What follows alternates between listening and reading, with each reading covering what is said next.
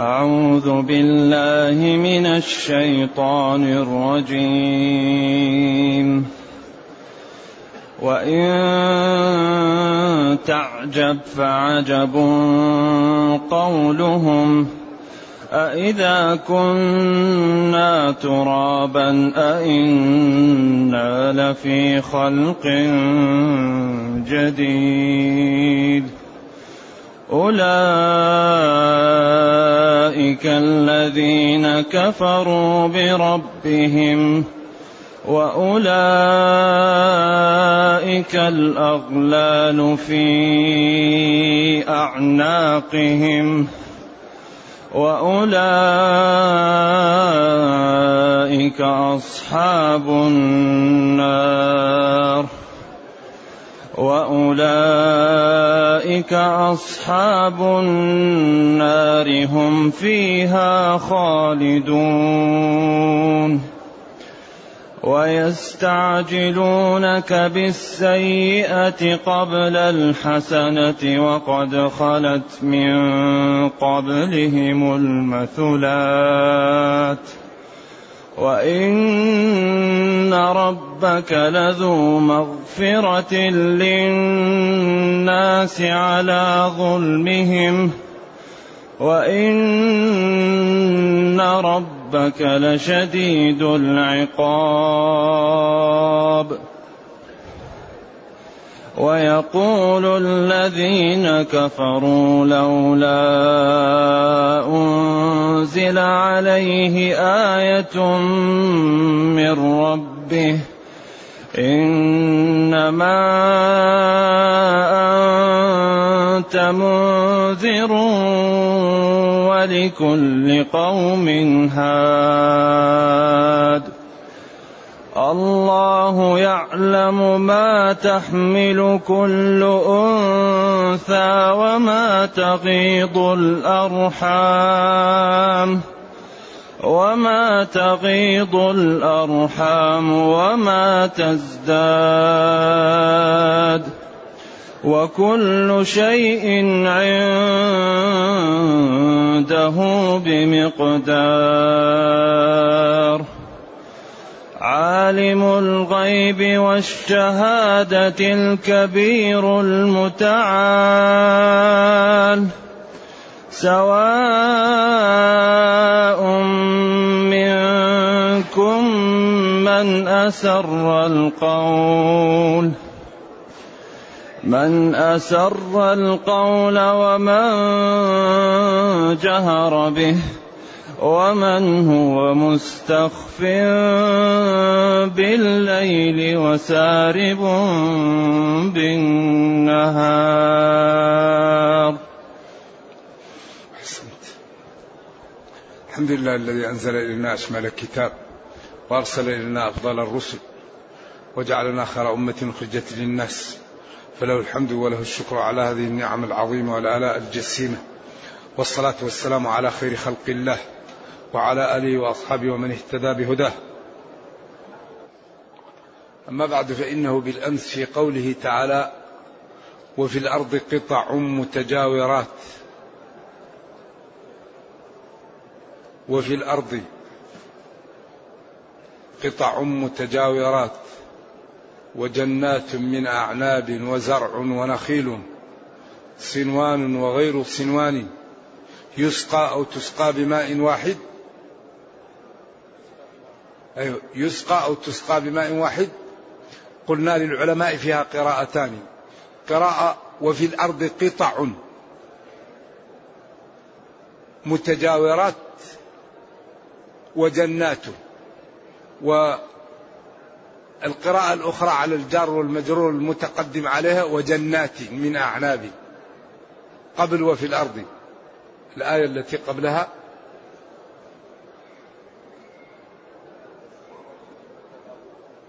وجعل فيها رواسي وأنهارا ومن كل الثمرات جعل فيها زوجين اثنين يغشي الليل النهار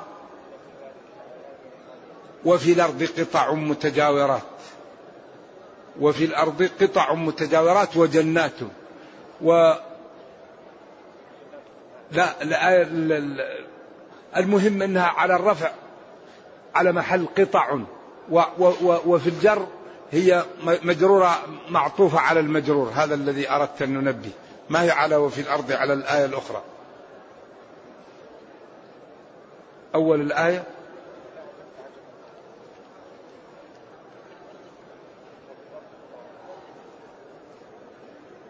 لا لا. وجعل فيها رواسي وأنهار وجعل فيها رواسي وأنهار ومن كل الثمرات. ومن كل الثمرات جعل فيها زوجين اثنين يغشي الليل النهار وفي الأرض قطع. أيوة. وفي الأرض جعل فيها رواسي وأنهار ومن كل الثمرات وفي الأرض قطع. أو المهم أنها إما على معطوفة على مرفوع أو معطوفة على مجرور هذا المقصود. وكلهم قراءة سبعية. ثم قال جل وعلا وإن تعجب فعجب قولهم. إن تعجب يا نبيي وهذا معطوف على الجمل التي قبل هذا. لما أنهى بيان قدرة الله تعالى وما أوجد للخلق بين كيف الخلق مع القدرة ومع النعم الجليلة والعظيمة يكفرون ويكذبون. وإن تعجب يا نبيي من كفرهم بعد هذه الأدلة والبراهين فأشد من ذلك عجب هذا الشيء. إنكارهم للبعث. وإن تعجب يا نبيي من كفرهم بعد هذا البيان الذي جاء في هذه الآيات وهو أن الأرض متقاربة والماء واحد ويختلف في الطعم وفي الألوان وأنه هو الذي مد الأرض وجعل فيها رواسي وأعطى ما أعطى ودفع ما دفع إن عجبت من ذلك فإن أعجب العجب إنكارهم للبعث بعد هذه الأمور. واضح؟ أي إن تعجب يا نبيي من مما حصل لهم من الكفر والتكذيب بعد هذه الأدلة والبراهين فأعجب العجب إنكارهم للبعث بعد هذه الأمور التي وجدت وبعد الإيجاد الأول. لأن الإيجاد الأول أصعب من الإيجاد الثاني. ولذلك قال يحييها الذي أنشأها أول مرة. أوليس الذي خلق السماوات والأرض بقادر على أن يخلق مثلهم؟ وقال وترى الأرض هامدة فإذا أنزلنا عليها الماء اهتزت وربت وأنبتت من كل زوج بهيج ذلك بأن الله هو الحق وأنه يحيي الموتى كما أحيا الأرض. وقال كذلك النشور كما أحيا الأرض. وقال وكذلك تبعثون كما أحيا الأرض.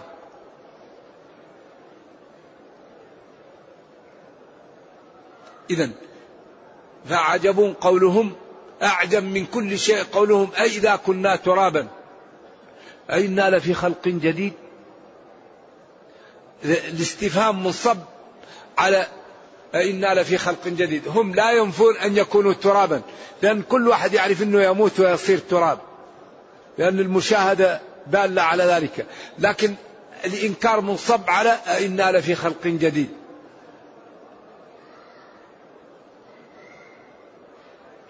أولئك إنا لفي خلق يعني ونشأة جديدة ولذلك الله يضرب الأمثال في القرآن كثير للبعث. وجعل الإيمان بالبعث لازم والذي لا يؤمن بالبعث كافر. لابد.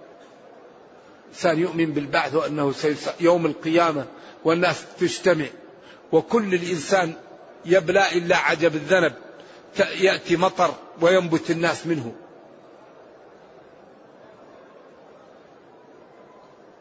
ولذلك نحن أمة مدح مدحنا بالإيمان بالغيب. هدى للمتقين الذين يؤمنون بالغيب. أما الكفار وبالأخص الروم قال غلبت الروم ثم قال يعلمون ظاهرا من الحياة الدنيا. التلفاز والفاكس وال كل هذه الأمور ظاهر المغناطيس كل هذه الأمور تتبع لظاهر الحياة الدنيا. بعدين قال وهم عن الآخرة هم غافلون. أما نحن نؤمن بالغيب ما غاب عنا. فنحن مدحنا بالإيمان بالغيب وهم وصفوا بالإيمان بظاهر الحياة الدنيا. أولئك الذين كفروا بربهم. إذا إذا تعجبت يا نبي من عدم إيمان هؤلاء وكفرهم بعد هذه الأدلة فأشد عجبا إنكارهم للبعث بعدما رأوا. هذا أشد العجب أعجب العجب. أولئك الذين هذه صفتهم كفروا بربهم عياذا بالله. جحدوا ربوبيته وألوهيته ودخلوا في في الكفر. وأولئك الأغلال في أعناقهم. الأغلال في أعناقهم للعلماء فيها قولان. القول الأول أنهم عياذا بالله مقادون للضلال لأن الله تعالى كتب عليهم الشقاوة. وهذا يكون توسع في العبارة. أو أولئك الأغلال في أعناقهم يوم القيامة يسحبون بالسلاسل إلى جهنم ويكون هذا حقيقة. أو هما معا. الأغلال في أعناقهم في الدنيا لأنهم مجبورون على هذا عياذا بالله لأنهم طبعوا على أنهم كفار. لما نفخ فيه الروح كتب إيش؟ شقي. خلاص انتهى. ويوم القيامة يوضع فيهم السلاسل ويجرون. في عمد مسلسلون مؤصد أعوذ بالله مقفل عليهم نرجو الله السلام والعافية. وأولئك أصحاب النار هم فيها خالدون. كرر أولئك أي لا غيرهم وللتأكيد الأمر. أصحاب النار يعني ملازم لها. هم أيضا فيها لا غيرهم خالدون لا يخرجون منها. وما هم منها بمخرجين. كلما نضجت جلودهم ولذلك العقل ينجو بنفسه. هذه الصفات الذي لا ينتبه وكان من أهل النار يكون أشقى الناس.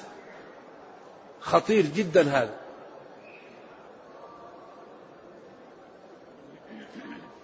ويستعجلونك بالسيئة قبل الحسنة.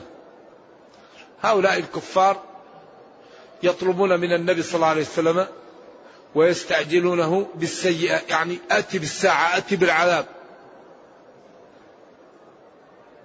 يطلبون هذه بدل من أن يقولوا فاهدنا إليه. قالوا اللهم إن كان هذا هو الحق من عندك هذا الجهل. العقل يقول فاهدنا إليه.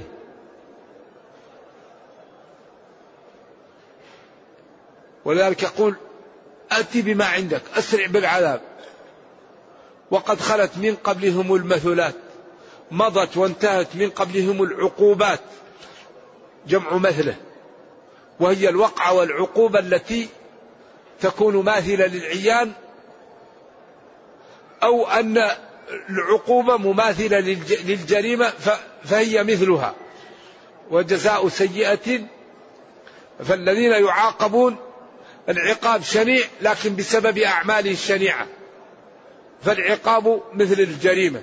إذا مثلات هذه تمثل هذه أو العقوبات التي تكون ماثلة للعيان ثم بين رحمة الله وفضله ولطفه بخلقه. وإن ربك لذو مغفرة للناس على ظلمهم. قالوا هذه أرجع آية. إن توكيد. ربك مربيك ومغذيك وحافظك وكارئك وجعلك محفوظا تصر تصر حتى تصير من أكبر الناس. لصاحب مغفرة لخلقه مع اتصافهم بالظلم. يقول لك هذا يدل على أنه يغفر لهم ولم يتوبوا بعضهم. وقيل إذا كانوا كفار يؤخر عنهم العذاب ويمد لهم في الأجل ويعطيهم المال والبنين والصحة والجاه والجمال والحسن. يغفر لهم هذه في الدنيا يوسع عليهم. ويفعل الجميع يرحم في الدنيا ويرحم في الأخرى. ولذلك الرحمن الذي رحم خلقه جميعا. ولذا طالب بالرحمة وقال إنما يرحم الله من عباده الرحماء. ونهى عن تعذيب الناس ونهى عن يعني الكيد لهم والغش لهم والتجسس عليهم وأمر بالإحسان وبالستر وبالتغاضي وبالصبر. فهو دين جميل في غاية من الحسن والإتقان. حري بنا أن نظهره للناس في حياتنا. حري بالمسلمين أن يظهروا للعالم جمال هذا الدين في حياتهم في سلوكهم في تعاملهم في بيعهم في شرائهم. لأن هذا الدين لا يظهر إلا بيش إلا بالممارسة. إذا الله جل وعلا ذو مغفرة للناس جميعا على ظلمهم. يعني وهم متصفون بالظلم يغفر لهم. واحد أقسم بالله كاذبا فالله غفر له لأنه أقسم بالله عظم الله. الرجل الذي قال إن قدر الله علي فإنه سيعذبني عذابا لا يعذبه أحدا من العالمين. خذوني في يوم. وقت إذا مت احرقوني. وأخذوني في يوم شات وبعض خلوه في البر وبعض خلوه فيش في البحر. إن قدر الله عليه فقال الله تعالى للبحر جيم ما عندك وللأرض جيم ما عندك. ما حملك على هذا؟ قال خشيتك. قال غفرت لك. قال غفرت لك. إن الله يغفر الذنوب جميعا جميعا. إنه هو الغفور الرحيم. وأنيبوا إلى ربكم أنيبوا إلى ربكم وأسلموا له أنيبوا إلى ربكم وأسلموا له. من قبل أن يأتيكم من قبل أن يفوت الأوان. فلذلك الخطر أن الواحد يتمادى في الذنوب ولا يتوب. الله تواب رحيم. ويغفر الذنوب ويبدل السيئات حسنات. لكن ممن يحاسب ممن ينتبه أما الذي لا يبالي مشكلة. الذي لا يبالي هذا يوبق نفسه يقع نفسه في الهلكة. إذا لا بد للإنسان أن ينتبه. إن ربك لذو مغفرة للناس على ظلمه. يظلم والله يغفر له. ولكن الجمهور قالوا إن السيئات تغفر باجتناب الكبائر. وقد صرح الله بذلك في قوله تعالى إن تجتنبوا كبائر ما تنهون عنه نكفر عنكم سيئاتكم. من قال سبحان الله وبحمده مئة مرة غفرت ذنوبه ولو كانت مثل زبد البحر. قالوا هذه السيئات الصغائر. أما الكبائر لا بد فيها من التوبة. أو هي تحت مشيئة الله. الذي يموت وهو على التوحيد أمره في النهاية للنجاة. المشكلة الذي يموت وهو على الشرك. الذي يموت وهو يعتقد في غير الله. الذي يموت وهو يطلب غير الله. الذي يموت وهو يخاف من غير الله فيما لا يقدر عليه إلا الله. الذي يموت وهو يخاف من الولي في قبره يقول لك أنا الولي أخاف إنه يجيني في البيت ويسويني. الولي مات ماذا يقدر يعمل لك ما ينفعك ولا يضرك إيش؟ إلا الله. المشكلة اللي يذهب للقبر ويدعوه. وما أكثر الناس ولو حرصت. القبر يدعى لأصاحبه. السلام عليكم أهل الديار من المؤمنين. وإن شاء الله بك وإنا إن شاء الله بكم للاحقون أو لاحقون. يغفر الله لنا ولكم. اللهم اغفر لأهل بقيع الغرقد كان يأتيهم ويدعو لهم. أما تأتي للقبر تدعو منه هذه مشكلة.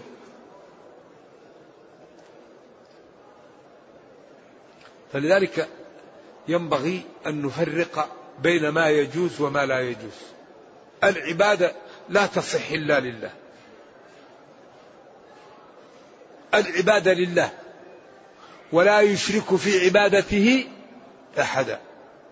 الحكم لا يكون إلا لله وأن أحكم بينهم بما أنزل الله. إن الحكم إلا لله لأن الحكم عبادة والعبادة لا تكون لا إذا لا يحكم إلا بشرع الله. لا يدعى إلا الله. لا يخاف إلا من الله. لا يرجى إلا الله. فإذا أخلص العبد توحيده إلى الله سليما. أصبح كأنه نجا. إن الله لا يغفر بس. ويغفر ما دون ذلك لمن يشاء. معاذ بن جبل رضي الله عنه لما كان رديف النبي صلى الله عليه وسلم على الدابة. قالوا يا معاذ بن جبل قال لبيك وسعديك يا معاذ لبيك وسعديك ما تري حق الله على العباد وحق العباد على الله؟ قال الله ورسوله. قال حق الله على العباد أن يوحدوه ولا يشركوا به شيئا. وحق الله العباد على الله أن لا يؤدب إيش؟ من لا يشرك شيئا. من قال لا إله إلا الله دخل الجنة. قال فلا أبشر الناس. قال يتكلوا فلما قربت وفاته أخبر بها تأثما من كتم العلم. فالدين سهل ويسير ولكن لمن يخاف لمن يتوب لمن يعمل لمن يقلع. أما الذي لا يبالي ينظر حيث رأى يتكلم حيث رأى يقول حيث رأى يمشي حيث رأى ما له شغل. هذا هو الذي يدخل الناس النار. يسمع الأذان يروح ينام رمضان يقول لك يا أخي الله غفور رحيم وينام ويستيقظ ماله شغل لا يبالي بأوامر الله ولا يخاف من نواهيه. بعدين هذا هو اللي يكون من أهل النار. ولذلك لما سأل أهل الجنة أهل النار ما سلككم في سقر ماذا قالوا؟ لم نكن من المصلين ولم نكن نطعم المسكين وكنا نخوض مع الخائضين وكنا هذه كبريات دخول جهنم. عكسها هو كبريات دخول الجنة. كبريات دخول الجنة قد أفلح المؤمنون يقابلها ما لا نكذب بيوم الدين. الذين هم في صلاتهم خاشعون يقابلها لم نكن من المصلين. والذين هم عن اللغو معرضون يقابلها نخوض مع الخائضين. والذين هم للزكاة فاعلون يقابلها لم نكن نطعم المسكين. وقال كتاب أنزلناه إليك مبارك مبارك. كثير البركة كثير النفع كثير الهداية كثير السعادة الرفعة. الخير فيه كثير. ليدبروا آياته. هذا الكتاب لا بد أن نتدبره. لا بد أن نعمل به. لا بد أن نتأدب به. لا بد أن نتخلق بأخلاقه. حتى نظهر للناس جماله في حياتنا فيدخلون في دين الله أفواجا. أما يكون المسلم الذي يخالط الكفار أول يزور ويكذب ويسرق ويظلم الكفار الكفار يخافوا من الدين يقولوا هذا الدين لو كان طيبا لاتبعه صاحبه. فيكون هذا المسلم سبب في تجفيل الكفار وإبعادهم عن عن الإسلام. لذلك الذي يعيش من المسلمين بين ظهراني الكفار يعني المسؤولية عليه أكبر ممن يعيش بين المسلمين. لأن الذي يعيش بين المسلمين إذا عمل معصية المسلمون يعلمون أن الإسلام ما يدعو لهذا ولا يقبله. وأولئك لا يعرفون الدين فيقول هذا دين يدعوه لهذا. إذا هذا دين فاسد. والصحابة نشروا الإسلام بالسلوك. في مدة وجيزة وصل الإسلام إلى الصين وإلى إسبانيا الأندلس وإلى شبه جزيرة البلقان وإلى وراء الحبشة. في مدة أيام الدولة الأموية انتشر الإسلام في كل أصقاع العالم. بالسلوك. كانوا إذا جاءوا لبلد أول ما يعملوا الرحمة للضعاف في البلد. يرحموه. فتحوا بلد يقسموا المال بين الضعاف. هؤلاء في الليل رهبان وفي النهار فرسان. الرئيس والمرؤوس لا تفرق بينهم. أمنية الواحد منهم أن يموت. طيب واحد أمنيته أن يموت وواحد أمنيته أن يحيا. كيف يمكن أن يقاومه؟ واحد سعادته في أن يموت واحد سعادته في أن يحيا. لذلك لما استنجد ملك الفرس بملك الصين وقال له أعطيني صفاتهم فلما ذكر له صفاتهم قال له أعطيهم ما سألوك. هؤلاء لا طاقة لأحد من أهل الأرض بهم. هؤلاء يعطيهم ما سألوك. لا يقاومون. لذلك المسلمون يقاومون بماذا؟ بالمعاصي. أكبر هزيمة للمسلمين الانهماك في المعاصي. سواء كان من اختلاف من عدم إعداد من فرقة من معاصي أخرى. مشاكل المسلمين وسبب ضعف المسلمين هي المعاصي. وأكبر ما يقوي المسلمين الاستقامة. إذا استقام المسلمون لا يغلبون. والاستقامة توجب علينا ماذا؟ الإعداد الحسي والمعنوي. لأن هذا من من تبعات الاستقامة أن نعد حسيا ومعنويا. فالمعنوي الاستقامة على الدين. كما قالوا هذا ما وعدنا الله ورسوله وصدق الله ورسوله وما زادهم إيمانا وتسليما. ثم الإعداد المعنوي وقد حفروا الخندق. نعد أعدوا. فالمسلمون يعدون الإعداد الحسي والمعنوي وحتما النصر يأتيهم. لأنه قال إن تتقوا الله يجعل لكم فرقان وقال ولا ينصرن الله من ينصر. وقال إن الله لا يخلف الميعاد.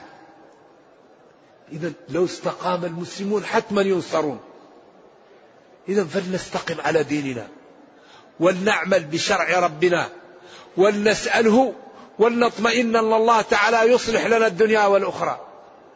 لكن إذا كان الإنسان لا يقوم بالسبب والله جعل الحياة صفقة. أوفوا بعهدي.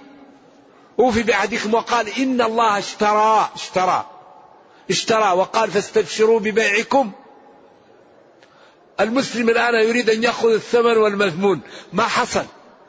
الذي يريد الثمن يدفع إيش؟ مذمون عشان يأخذ الثمن. إذا يقول جل وعلا وإن ربك لذو مغفرة للناس على ظلمهم. هذا ربنا كريم. إذا نشكر الله ولنطعه وليكن لنا أسوة حسنة في نبينا كان يقوم الليل ويعبد الله ويخاف ولما كلم وقيل له ألم يغفر لك ربك ما تقدم من ذنبك؟ قال صلوات الله وسلامه عليه. أفلا أكون عبدا شكورا؟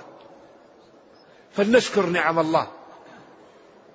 وإن ربك لشديد العقاب. وكذلك أخذ ربك إذا أخذ القرى وهي ظالمة. إن أخذه أليم شديد. إن الله ليملي للظالم حتى إذا أخذه لم يفلت. شديد العقاب لمن تكبروا تجبروا طغوا كفروا تمادوا على ذلك. وكتبوا من الأشقياء عياذا بالله. ويقول الذين كفروا لولا نزل عليه لولا أنزل عليه آية من ربه. هؤلاء الذين كفروا يعاندون ويكابرون ويتجاهلون الآيات والبراهين التي نزلت عليه ويقولون هل لا أنزلت عليه آية؟ لولا أنزلت عليه آية.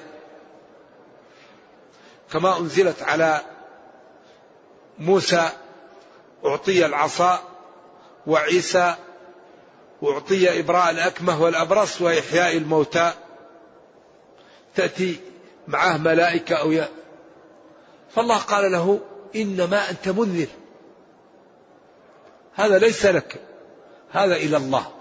أنت تأتيهم وتبين لهم وتنذرهم وتخوفهم وتأتيهم بهذه الأمور فإن أحبوا أن يدخلوا في الإسلام فلهم وإن لم يدخلوا لم يدخلوا في الإسلام هذا أنا أنا ربهم وهو الذي لي أن نجازيهم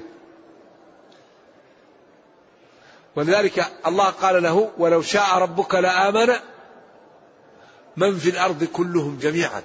إن عليك إلا البلاغ أنت بلغهم والباقي علي. خلاص. الذي لا يؤمن خلاص. وجاءته الأدلة يرسل له جبريل أو الرياح أو الصيحة أو طير أبابيل الذي يتجبر ويتكبر ويكذب الرسل ويجحد بالآيات إذا جاءته. خلاص. ولذلك قال وآتينا ثمود الناقة مبصرة. آية واضحة تبصر. فظلموا بها. وما نرسل بالآيات إلا تخويفا. ولكل قوم هاد. فيها للعلماء ثلاثة أقوال. القول الأول أن لكل قوم هاد يهديهم وهو الله تعالى في أن يبين لهم الطريق ويهدي من أراد الله هدايته بأن يجعله كتب من أهل إيش؟ من أهل الجنة. ولكل أو ولكل ولكل قوم هاد أي رسول وهذا أوضح في الدلالة لقوله وإن من أمة إلا خلا فيها رسول وقال وما كنا معذبين حتى نبعث رسولا. أي ولكل أمة رسول يبين لهم ما يجب عليهم وما يحرم فلا يعذبوا إلا بعد أن تقام الحجة عليهم كما قال رسلا مبشرين ومنذرين لئلا يكون للناس على الله حجة بعد الرسل. القول الثالث وهو طبعا ليس له دليل. قال أنا رسول وعلي هادي وهذا لا يصح. ذكره بعض العلماء وهو لا أعرفه صحيحا ولا يثبت. نعم. نعم. بعدين بين شمول علم الله تعالى وأن النجاة في طاعته. الله جل وعلا يعلم ما تحمل كل أنثى. الحمل نطفة. عندما تأتي الله يعلمها. وما تغيض الأرحام تنقص. وما تزداد تزيد على الخلاف بين العلماء. في تغيض وتزيد. هل هو الذي يولد ناقص؟ أو هو المادة التي تخرج من المرأة أحيانا تزيد وتنقص الأرحام؟ أو الولد أحيانا يولد أقل من من شهوره أو من جسمه وواحد يلد أكثر من شهوره وأكثر من جسمه المعتاد أو الرحم أحيانا يكون فيها اثنين أو ثلاثة. أقوال للعلماء والأسلوب يدل على شمول علم الله تعالى وأنه لا تخفى عليه خافية وهذا مرغب لطاعة الله تعالى ومخوف لعصيانه. فيا سعادة من أطاع الله ويا شقاوة من عصاه. الله جل وعلا يعمل يعلم ما تحمل كل أنثى وما تغيض تنقص الأرحام وما تزداد. قيل أقل الحمل ستة شهور وقيل أكثره سنة وقيل سنتان وقيل خمسة. عند المالكية خمسة وعند هؤلاء ثلاثة وعند هؤلاء سنتين. وأكثر الحمل يكون تسعة شهور وأقل الحمل الذي يعيش ستة شهور وهذا فهموه فهمه العلماء من دليل الإشارة. قوله تعالى وحمله وفصاله ثلاثون شهرا ثم قال وفصاله في عامين دليل الإشارة هنا أن أقل مدة الحمل ستة شهور. نعم. وكل شيء عنده بمقدار. كل شيء قدره الله. أول ما خلق الله القلم فقال له اكتب. كتب كل شيء. انتهى. بمقدار. العمر الرزق الآثار. آجال كل شيء عنده بمقدار. لذلك ينبغي أن نجتهد ونقوم بالأسباب. عالم الغيب والشهادة. ما غاب وما حضر بالنسبة له سواء. الغائب يعلمه والحاضر يعلمه وما لم يكن لو كان يعلمه وما تسقط من ورقة غابات السنوبر وغابات الاستوائية والغابات والأشجار الصحراوية وكل شيء. ما تسقط من ورقة إلا يعلمها. ولا حبة في ظلمات الأرض ولا رطب ولا يابس إلا في كتاب مبين. واحد قال كيف يحاسب الخلق؟ كلهم في وقت واحد. قال له كيف يرزقهم في, في وقت واحد؟ كلهم يرزقون في وقت واحد. الذي يرزقهم في وقت واحد يحاسبهم في وقت واحد. ولذلك الله الله الكبير المتعال. فينبغي أن نطيعه ونلتزم أوامره ونجتنب نواهيه ونتأدب بالآداب التي طلب وما عرضناه أعطاه الله لنا. نشتغل في طاعة الله نشتغل في مرضاة الله نشتغل في العبودية لله وما أردناه الله يعطيه لنا. همنا رضا الله.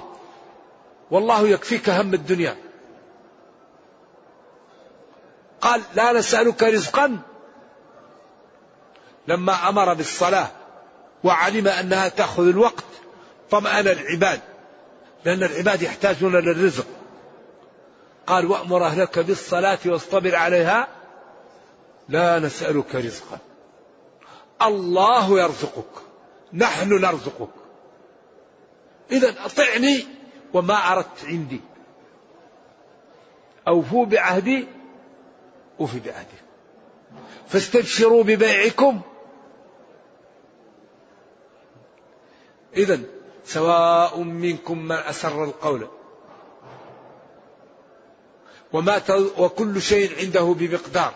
عالم الغيب والشهادة. ما غاب وما حضر عالم يعلمه. إذا لا ينجي إلا الصدق. اللعب ما يصلح. النفاق لا يصلح. الكذب لا يصلح الغش لا يصلح. الإنسان يصدق يصدق مع ربه حتى ينجو. عالم الغيب والشهادة الكبير. السماوات والأرض في يد الله كحبة خردل. يضع السماوات على أصبع والأراضين على أصبع. ويقول أنا الملك الديان. مستو على عرشه بائن من خلقه والعالم في يده أصار من حبة خردل. الكبير المتعالي عن كل نقص منزه. لا تأخذه سنة ولا نوم. قل هو الله أحد الله الصمد لم يلد ولم يولد ولم يكن له كفوا أحد. وهو يطعم ولا يطعم. الحي القيوم لا تأخذه سنة ولا نوم. له ما في السماوات وما في الأرض. يعز هذا ويذل هذا ويحيي هذا ويميت هذا ويغني هذا ويفقر هذا. سواء منكم من أسر القول ومن جهر به سواء من تكلم في نفسه ومن جهر بالكلام ومن قال في الليل ومن هو سار منفلت على وجهه في النهار.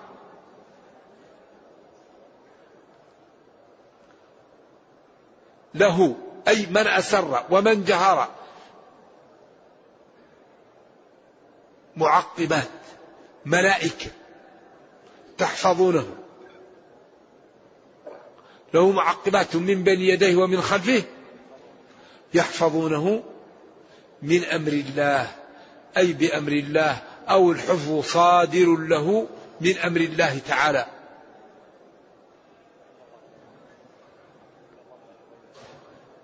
إن الله جل وعلا لا يغير ما بقوم حتى يغيروا ما بأنفسهم. والله لا تمل لا الله تعالى لا يرفع عنكم ما أعطاكم من النعم إلا إذا تركتم طاعته. من أتاه يمشي أتاه هلورا ومن أتاه ذراع ما أتاه باعا وربنا كريم لكن المشكلة إن الخلق إذا غيروا أمورهم غير الله عليهم. لذلك قال قل هو من عند أنفسكم. إن تتقوا الله يجعل لكم فرقانا ويكفر عنكم سيئاتكم ويغفر لكم. يجعل لكم نور. فكل ما في المسلمين من الجوانب السلبية سببها المعاصي. فلنتعاون على طاعة الله ولنأخذ على من يريد أن يضر نفسه ويضرنا. انصر أخاك ظالما أو مظلوما. لا يضركم من ضل إذا اهتديت. قال أنصره مظلوم. كيف أنصره ظالم؟ قال تمنعه من الظلم. الاهتداء أن تأمر بالمعروف وتنهى عن المنكر. فلذلك ينبغي أن يكون بين المسلمين تعاون جاد للرفع من مستواهم. أيوة أهم شيء ترك المعاصي. وإذا أراد الله بقوم عقوبة أو هلاك أو مشكلة فلا مرد له. لأن إرادة الله نافذة. لذلك فرعون تربى في بيته موسى وغرق وهلك. أبو أبو طالب ربى النبي صلى الله عليه وسلم و أعوذ بالله أراد الله. أبو إبراهيم آزر. يا أبت لا تعبد الشيطان. يا أبت يا أبت أراغب أنت عن آلهتي يا إبراهيم؟ لئن لم تنتهي لأرجمنك. إبراهيم كان على على على خلق قال, قال سلام عليك. قال له ما قال له؟ يا أبي يا كافر يا مجرم. سلام عليك سلام عليك. سأستغفر لك رب وبعدين استغفر له فربه قال لا تستغفر له. وما كان استغفار إبراهيم لأبيه. فلما تبين له أنه عدو لله تبرأ منه. إذا ما في قدوة في هذا لأن إبراهيم تبرأ منه. نعم. وإذا أراد الله بقوم سوءا فلا مرد له. لا يمكن أن يرد. ولذلك تجد الإنسان مريض وهو منهمك في المعاصي. تجد الإنسان يعرف الأحكام وعاقل فإذا جاءت الصلاة قفل عليه الباب. يسمع حي على الصلاة ينظر لك ينظر لك ويقفل عليه الباب. ما عنده استعداد للصلاة. أعوذ بالله هذه مشكلة ولذلك يقضى على المرء في أيام محنته حتى يرى حسنا ما ليس بالحسن. وما لهم من دونه من وال أي من ناصر. ولا موئل يحميهم. إذا أراد بهم ذلك نرجو الله جل وعلا أن يريد بنا الخير وأن يرينا الحق حقا ويرزقنا اتباعه وأن يرينا الباطل باطلا ويرزقنا اجتنابه وأن لا يجعل الأمر ملتبسا علينا فنضل. سبحان ربك رب العزة عما يصفون وسلام على المرسلين والحمد لله رب العالمين والسلام عليكم ورحمة الله وبركاته. اللهم نشوف بعض الأسئلة إذا كان يحتاج الدرس. وينبغي هذه الأسئلة أن تكون في موضوع الدرس. الرؤيا لا يؤخذ منها حكم وإنما هي مبشرات. لهم البشرى في الحياة الدنيا الرؤيا الصالحة ترى للرجل أو يراها لنفسه. وهذا الرؤيا الطيبة يستبشر بها ولا يؤخذ منها حكم.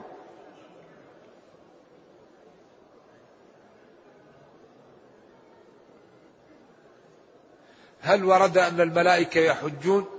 لماذا سمي الإنس والجن بالثقلين؟ هل الملائكة أجسام؟ ما الذي ينفعك في هذا؟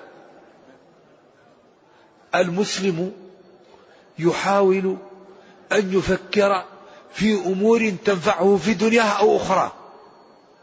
هذا علم الملائكة علم. هم عباد مكرمون لا يعصون الله ما أمرهم ويتشكلون ويقال إن الصورة لا تحكم لا تحكم عليهم عكس الشياطين وهذا لا أعرف له دليل.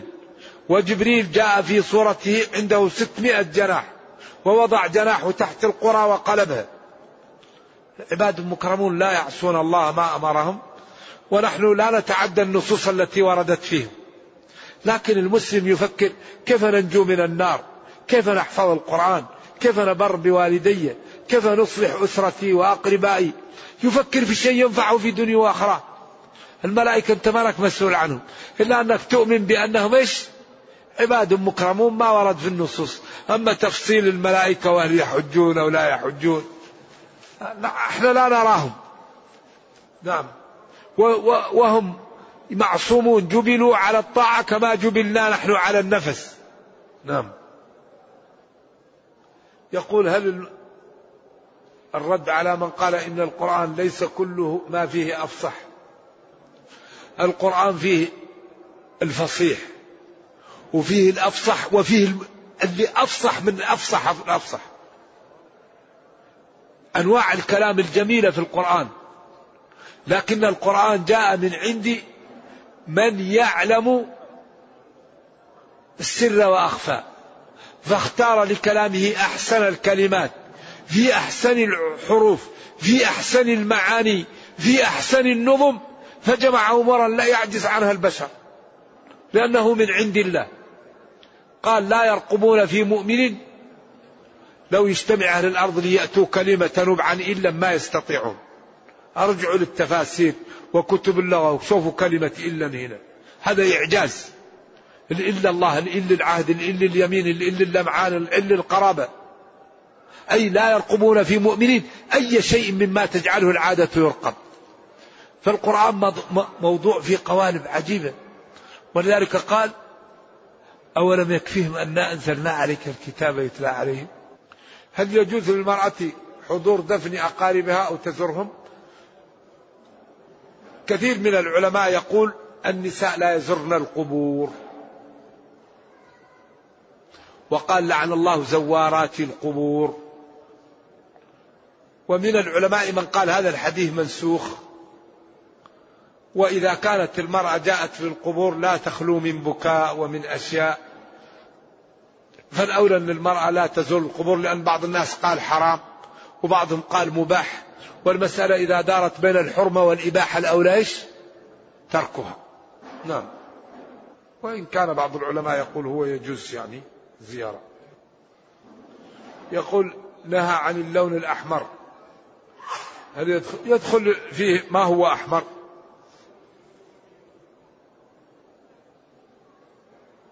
ما اللغو وكيف اجتنابه؟ اللغو الكلام الذي لا فائدة فيه. لغى الرجل إذا تكلم كلام لا ينفع في الدنيا ولا الأخرى. هذا هو اللغو. أيوة.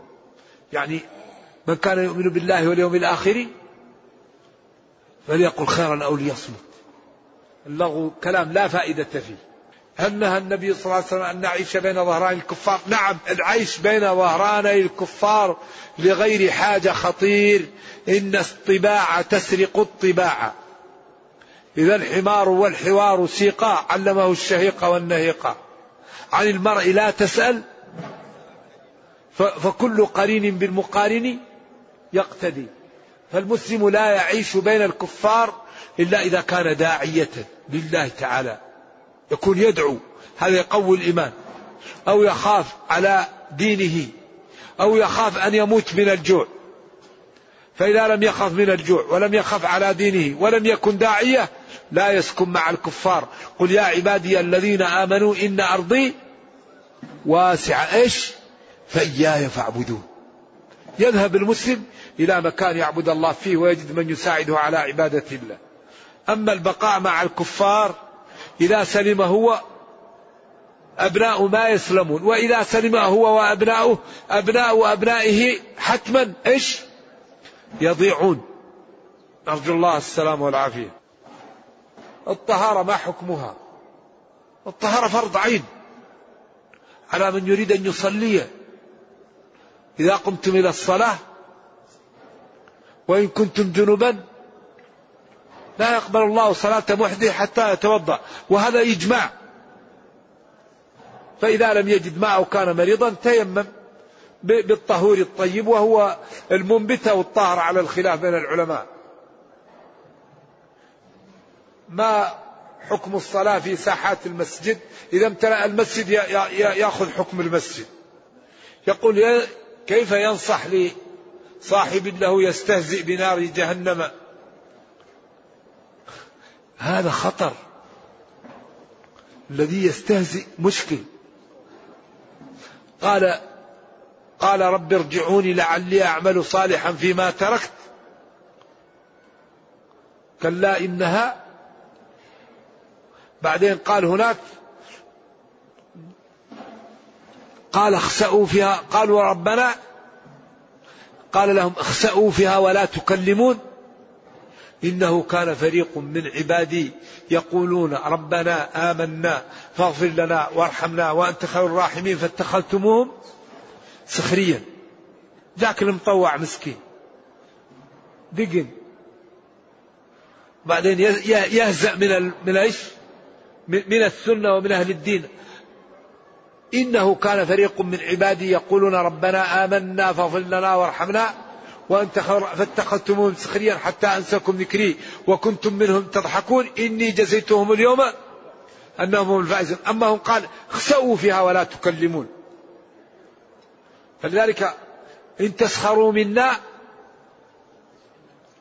إن الذين أجرموا كانوا من الذين آمنوا يضحكون وإذا مروا بهم جاك المطوع جاك مسكين شوف مشيته مسكين. ها انت رايح للمسجد يسخر منه خطر هذا. إذا ابتليتم فاستتروا كل أمتي معافى إلا المجاهرين. الذي أعوذ بالله ابتلاه الله بقسوة القلب يستتر لا يظهر هذا للناس. لأن من شهد له المسلمون بالخير وجبت له الجنة ومن شهدوا له بالشر وجبت له النار. الناس شهداء. فلذلك الذي يقدم على الذنوب يستتر بها لا يظهرها للناس. لأنهم يشهدوا عليه فيوبق نفسه. نرجو الله السلام والعافية. لذلك الإنسان يخاف ويكثر التوبة والاستغفار. نرجو الله أن يوفقنا بس.